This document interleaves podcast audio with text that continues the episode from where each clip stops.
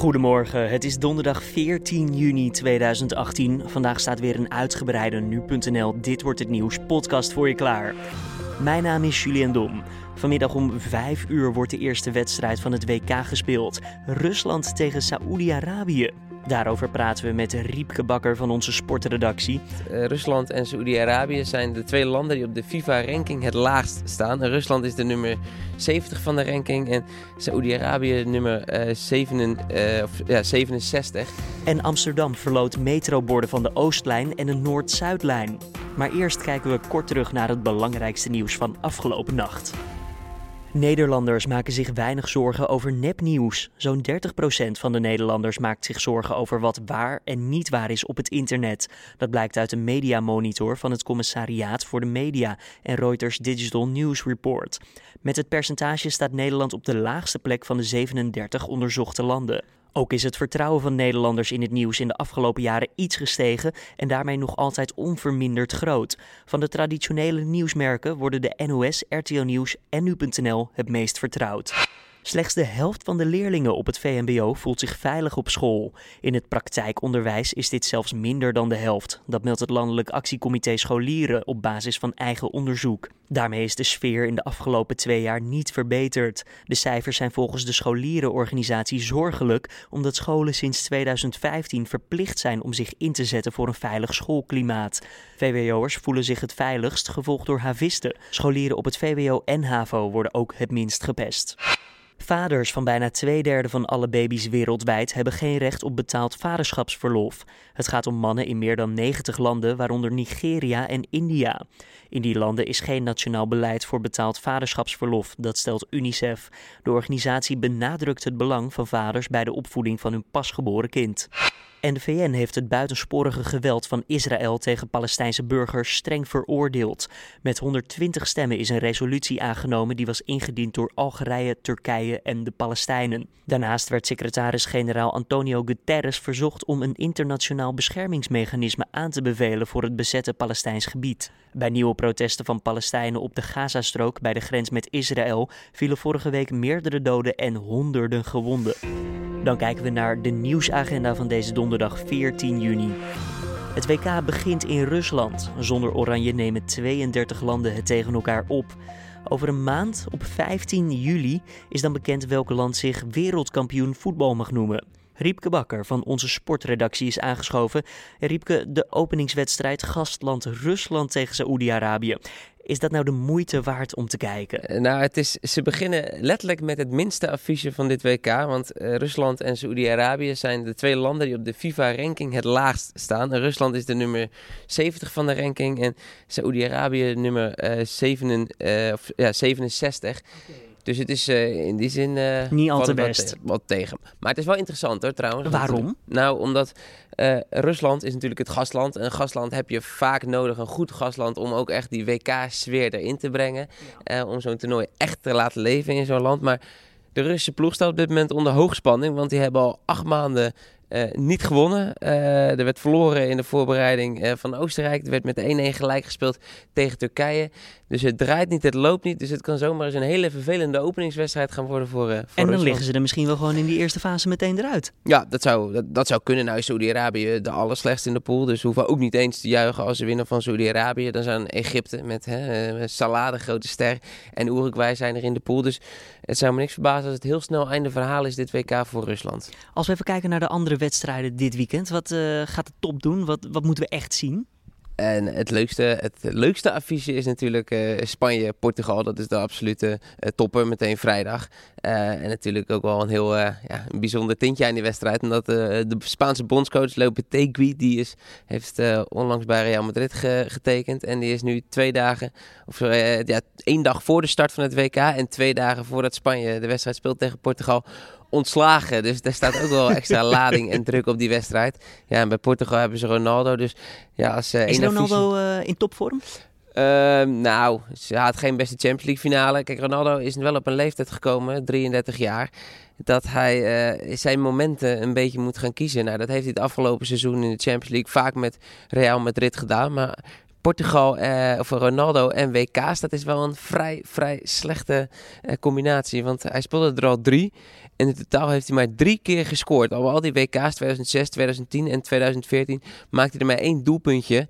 En ja, was het ook niet al te best wat hij met Portugal liet zien. Uh, vier jaar geleden in Brazilië ging Portugal er meteen uit. Dus ja, wat dat betreft, uh, het wordt waarschijnlijk zijn laatste WK. En de vraag is of hij het ook echt goed gaat doen, uh, Ronaldo. Zometeen komen we nog even terug op de favorieten en meer van dat. Want Gianni Infantino, de FIFA-voorzitter, die liet weten dat Rusland een risicoland is als er gekeken wordt naar racisme. Kan je dat even uitleggen? Nou ja, Russische clubs al jaren als die Europees spelen, is dat ja, gewoon gedoe. Maar het komt heel veel voor dat daar zwarte spelers op de meest afschuwelijke manieren worden uitgejouwd in stadions. Uh, apengeluiden, bananen op het veld. Dat komt gewoon uh, veel voor in Rusland. Veel meer dan in andere landen. Zijn ze met een goede oplossing gekomen nog hiervoor?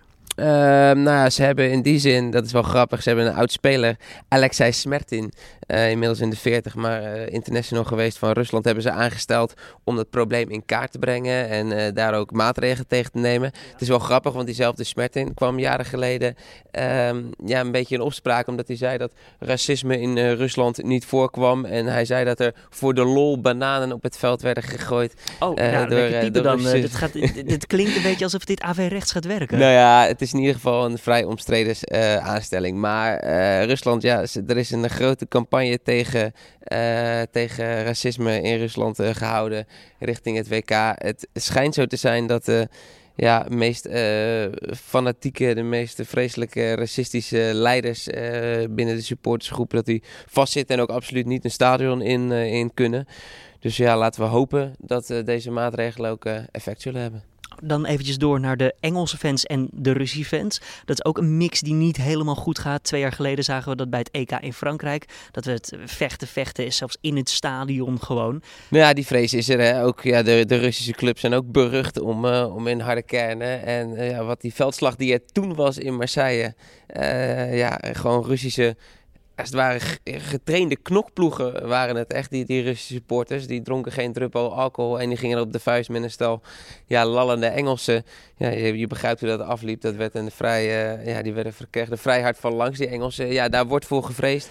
Als we Rusland moeten geloven, dan zijn de hooligans die, zeg maar, vooral twee jaar geleden tijdens dat EK hebben, hebben uitgebouwd, of uh, ja, hebben uh, huisgehouden. Die, zijn, die worden verbannen uit de stadions. de, de tickets zijn op naam. Die komen, kunnen ook echt de stadions niet in, mogen daar ook niet rondom die stadions komen.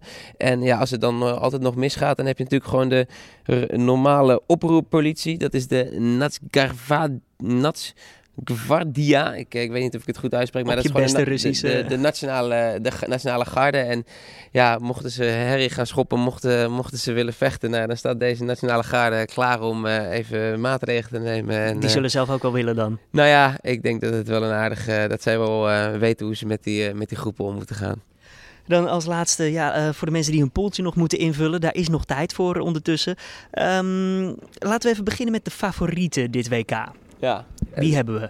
Nou, ik, ik, ik, ik denk dat er maar één echte absolute favoriet is. Dat uh, zie je ook bij, uh, bij de boekmakers. Je krijgt het minste geld namelijk als je inzet op, uh, op Brazilië. Bra ja. Wacht, Brazilië vier jaar geleden was dat... Ja. Ja. En dat klopt, want vier jaar geleden was het natuurlijk een, een, vrij matige elftal. Er een hele grote ster, dat was Neymar. En op een gegeven moment raakte Neymar geblesseerd en gingen ze er heel hard af tegen Duitsland met 7-1. Het team was toen echt afhankelijk van Neymar voor de creativiteit, voor de, voor de doelpunten.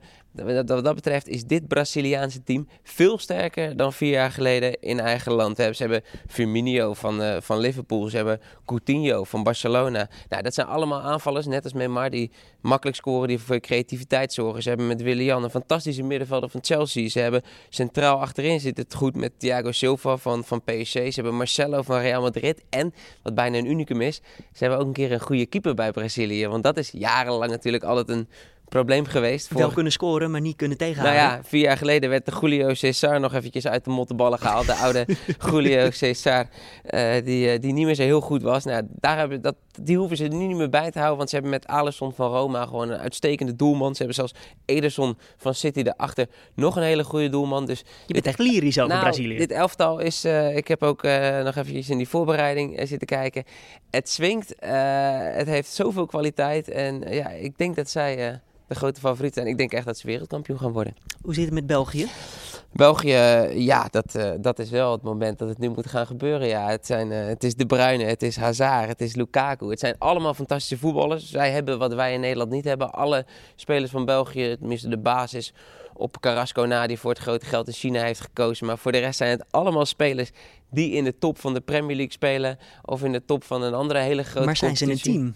Als je nou ze ja, samengooit, ja. Ze, zijn, uh, ze, zijn, ze waren twee jaar geleden niet echt een team. Toen was het af en toe op het EK. Hè, vlogen ze eruit tegen Wales. was ook die druk, die Belgen. Het leken wel Nederlanders die dachten, we gaan, uh, we gaan die titel pakken.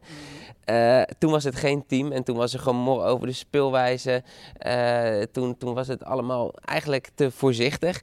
Nou, is het een team? Ik, ik, de laatste wedstrijd, uh, laatste voorbereidingswedstrijd voor het WK was tegen Costa Rica. En toen zag ik ook echt hè, Hazard, De Bruyne, allemaal met elkaar voetballen. Het werd echt een nou, spektakelsteek. België zwingde, België was goed.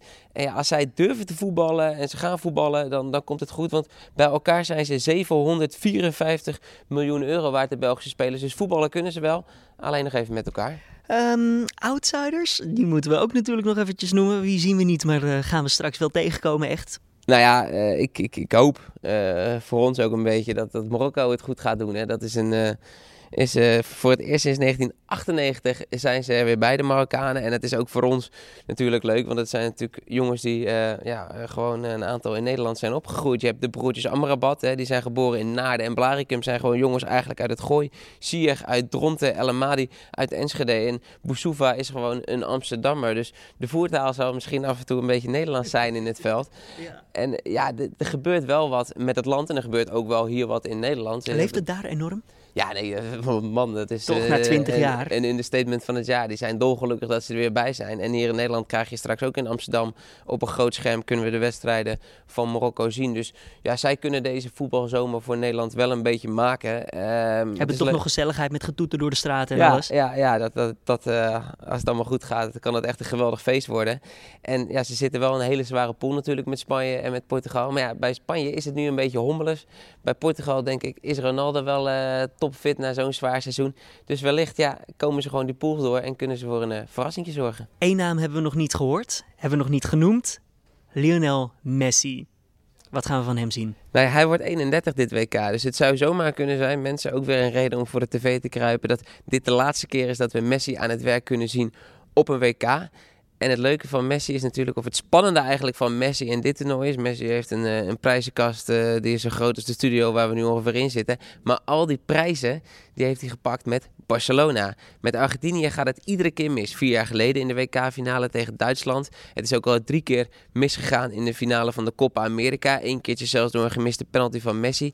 Dus ja, de druk om het nu ook een keertje met Argentinië waar te maken. En om eigenlijk de discussie voor eens en voor altijd te stoppen met wie is de beste speler ooit. Hè? Want Maradona maakte uh, Argentinië wel wereldkampioen. De druk ligt bij Messi. Hij moet het nu laten zien. Zijn laatste kans. En dat is ook wel ja, de spanning die je bij dit WK voelt. Riepke Bakker van onze sportredactie hoorde je. En mocht je zelf nog meer tips zoeken voor het invullen van je pool, bekijk dan onze video op nu.nl, gebaseerd op statistieken van de afgelopen WK's. De link vind je in de beschrijving van deze podcast. Wil jij een bord van de Amsterdamse metro op je kamer hebben hangen? Nou, dan heb je geluk, want ze gaan de deur uit. De borden van de Oostlijn worden middels de borden-bingo verloot. En later dit jaar komen ook nog borden van de Noord-Zuidlijn op de bingo-tafel te liggen. Michiel Jonker, woordvoerder metro en tram van de gemeente Amsterdam, spreken we hierover. Ja, Michiel, dit is nogal een ludieke actie, of niet? Ja, zeker een mooie actie. En uh, het is natuurlijk zo, als je iets, iets bijzonders hebt, dan moet je dat ook, uh, ook onder de mensen durven te brengen. En dat hebben we nu gedaan, want uh, met de renovatie van de stations van de Oostlijn zijn ook eigenlijk de wegwijzigingsborden vervangen en, en uniform gemaakt. En daardoor kwamen er zo'n 80 borden over. En, en uh, die willen we graag delen met, uh, ja, met onze volgers. En, uh, ja, 80 en borden zeg je al. Het, het is dus niet alleen maar gewoon de naam van de metrolijn. Wegwijzering zeg je. Wat voor borden zijn het allemaal? Nee, het zijn allerlei verschillende borden. Het zijn, het zijn borden van verwijzingsborden naar de uitgang, maar ook stationsborden, stationsnaamplaten. Noem maar op. Eigenlijk alle borden die je in een metrostation kunt vinden. Zijn ze groot? Zijn ze zwaar? Die, uh, ja, nou ja, het zijn meestal zo platte platen van, een, uh, van 1,50 meter bij 40 ongeveer. Maar er zitten bijvoorbeeld ook een paar van die metrocubussen bij. Nou, die zijn, die zijn wel 45 kilo. Dat is, dat is dus wel pittig. Oh, dat, het zijn mooie dingen. Als je daar, die kan je mooi als nachtkastje gebruiken. ja, of uh, maak er een lamp van, voor mijn part. Uh, maakt niet uit. Maar het is wel zo, um, wie hem wint, moet hem ook meteen meenemen. Dus je moet wel voorbereid zijn op een uh, transport van 45 kilo. Oké, en um, ja, worden die dingen dan niet gewoon eigenlijk gewoon op een zaterdagnacht losgeschroefd door de liefhebbers... voordat jullie ze op de bingo-tafel kunnen leggen? nee, dat is al allemaal gebeurd hoor. Dus, uh, we, hebben ze, we hebben ze inmiddels allemaal vervangen. Uh, op drie stations na. Uh, dus die komen in het najaar nog een keer aan de beurt waarschijnlijk. Nieuwbootstraat, Waterloopplein en Nieuwmarkt. Die, die zijn nog onder het mes eigenlijk. Dus, ehm, maar dan, ja, dan, dan staan ze nu klaar voor de winnaars van de, van de bingo. En de verliezers krijgen overigens ook nog iets. Die krijgen een mooi uh, boekje uh, gemaakt van uh, oude metroborden. Dus een soort notitieblok. Dus dat is ook wel heel leuk. Voor iedereen wat dus. Ja, dan eventjes die Noord-Zuidlijn. Want daar komt later dit jaar nog een bingo-actie voor. Hè? Waarom zijn daar borden van? Want die lijn is nog niet eens open op dit moment. Nee, dat klopt. Nou, dat, dat is een beetje een lang verhaal. Maar dat, dat heeft eigenlijk te maken met het feit dat in 2012 al de, de verwijzingsborden zijn aanbesteed. En toen heeft men eigenlijk een foutje gemaakt door, door ook alvast inhoudelijk dat uh, te regelen. Maar de situatie in 2012 was toch wel weer iets anders dan nu. En uh, dat betekent dat er ja, ook, ook qua inzichten. De borden klopten gewoon nog niet helemaal. Weet je. Neem nou bijvoorbeeld Centraal Station. Nou, de taxistandplaats is naar achteren verplaatst inmiddels. maar er zaten ook ja, op de pijp zaten er ook wat foutjes in. En de aannemer is toen heel voortvarend aan de slag gegaan. Maar dat was eigenlijk nog helemaal niet de bedoeling, want het, uh, het hoefde nog helemaal niet te worden ingevuld. Ik mag hopen geen spelfout op de naam, zo toch? Of uh, dat ook nog eens? Nee, nee, dat dan weer niet. Maar uh, ja, de situatie is gewoon ook deels veranderd. Dus dat betekent dat ja, uiteindelijk hebben we toch een aantal van die platen moeten vervangen. En dat, dat, is, dat ligt nu ergens straks te wachten tot, tot de volgende bordenbingo. Hoe kunnen de mensen zich inschrijven voor de bordenbingo? Want uh, Animo is volgens mij enorm hiervoor. Ja, het was echt uh, onvoorstelbaar snel uitverkocht. Uh, binnen een uur waren alle plaatsen al vergeven. Voor de Oostlijnborden? Van, ja, voor de Oostlijnborden was dat. ja, het is eigenlijk gewoon een kwestie van wij nemen je mee.nl in de gaten houden. Want daarop worden dit soort zaken aangekondigd. Elke dag is er wel een nieuw bericht over het voortgaan van de Noord-Zuidlijn of bijzondere dingen rond de Oostlijn. En en ook dit uh, komt daarop. Dat was Michiel Jonker van de gemeente Amsterdam. En later dit jaar volgt, zoals gezegd, nog een bingo-actie voor de borden van de Noord-Zuidlijn. Hou de podcast van nu.nl goed in de gaten voor het geval je zo'n bord zou willen. Want wie weet, slaap jij dan straks onder de pijp. De deadline verloopt voor het behalen van 300.000 handtekeningen voor het referendum over de nieuwe donorwet. Maandag werd bekend dat zo'n 100.000 mensen hun handtekening hebben gezet om het referendum mogelijk te maken. En daarmee komt de organisatie nog flink wat handtekeningen tekort. Het referendum zou moeten gaan over de nieuwe donorwet, waarin staat dat iedereen in principe orgaandonor is, tenzij je hebt laten weten dat niet te willen. De wet is met een nipte meerderheid aangenomen door het parlement. Dan kijken we naar het mediaoverzicht van deze donderdag 14 juni. Moeders die kampen met een postnatale depressie zwijgen vaak over hun klachten. Een derde van hen bespreekt de psychische problemen niet met hun eigen partner. Dat blijkt uit onderzoek in opdracht van het ministerie van Volksgezondheid, waar het AD over schrijft. In Nederland ontwikkelen jaarlijks ruim 23.000 vrouwen depressie na hun bevalling, maar de klachten worden niet altijd herkend. Een op de zeven vrouwen die een depressie kreeg, sprak daar ook met niemand over. Zeker 3700 huishoudens werden vorig jaar uit hun sociale huurwoning gezet. Daarover schrijft Trouw na een enquête door koepelorganisatie van woningcorporatie Edes. Het aantal uitzettingen daalt al enige jaren op een rij, maar de getroffen groep verandert wel. Het gaat vooral nu om jongeren en ouderen. Doordat zij een relatief hoge huur hebben, hebben ze geen recht op huursubsidie. Ook worden veel mensen met psychische problemen getroffen door de uitzettingen. En dan blikken we even op het weer voor deze donderdag. De dag begint zonnig, maar in de loop van de ochtend komen de wolken sterk opzetten. Het zorgt in de middag voor een enkele bui. De temperaturen lopen uiteen van 17 tot 23 graden. En dan nog nieuws uit de muziekindustrie, want de geruchtenmolen draait over uren als het gaat om de buik van Beyoncé. Volgens fans is de zangeres zwanger van haar vierde kind. Een fan maakte een foto van de buik van de zangeres tijdens haar optreden in Glasgow, wat zorgde voor een golf aan reacties op sociale media. B is absoluut zwanger, al dus ene Chloe Milne bij de foto die zij plaatste. Andere fans haakten daar meteen op in. Zo zou de kledingkeuze van Queen Bee opvallend zijn omdat ze veel jasjes aan had die haar buik bedekten. Vooralsnog heeft Beyoncé zelf nog niet gereageerd op de geruchten. Dit was dan de Dit wordt het nieuws podcast van deze donderdag 14 juni. Je vindt de podcast maandag tot en met vrijdag om 6 uur ochtends op nu.nl. Vond je een goede podcast? Laat dan eens een recensie achter op iTunes of in een van de andere podcast apps. Voor nu, tot morgen.